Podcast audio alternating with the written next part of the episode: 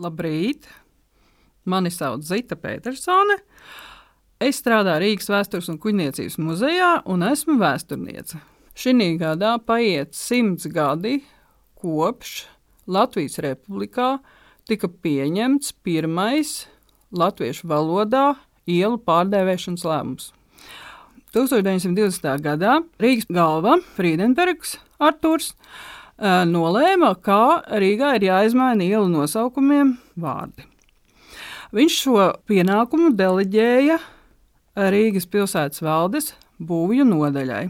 Būvju nodaļa vairākus mēnešus ar to nenodarbojās. Rezultātā šo pienākumu deleģēja Rīgas pilsētas domes izglītības nodaļai.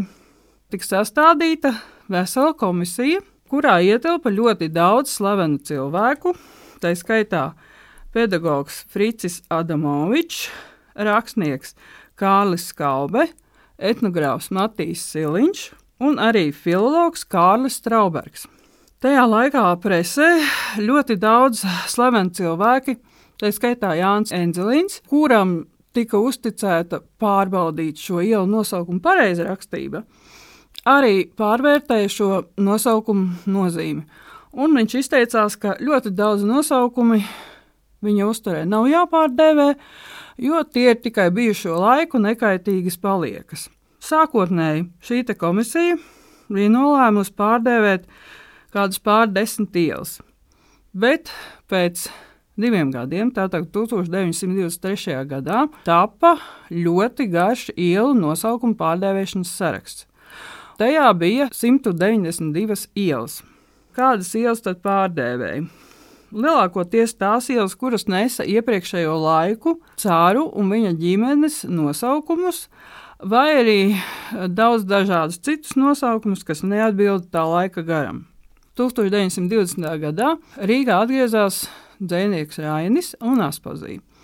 Un tad tapa vienīgā reize Latvijas Republikas laikā, kad diviem cilvēkiem, kuri ir dzīvi, iedeva ielu nosaukumus.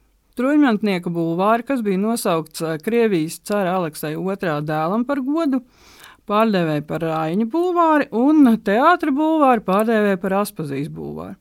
1930. gados gribēja iedot nosaukumu arī rakstniekam Kārlim Skalbam, dzīvam esot.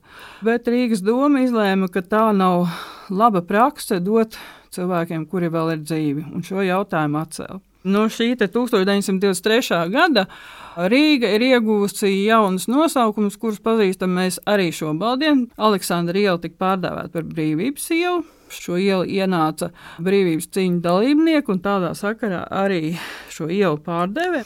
Ģenerāla gubernatora Aleksandra Suvora iela tiek pārdēvēta par Krišānu Baronu ielu, Romāna iela pārdēvēta Lāčplēša vārdā. Tad vēl ļoti daudz ielām nosaukums mainīja tādēļ, ka nebija pareizi latviešu šie nosaukumi.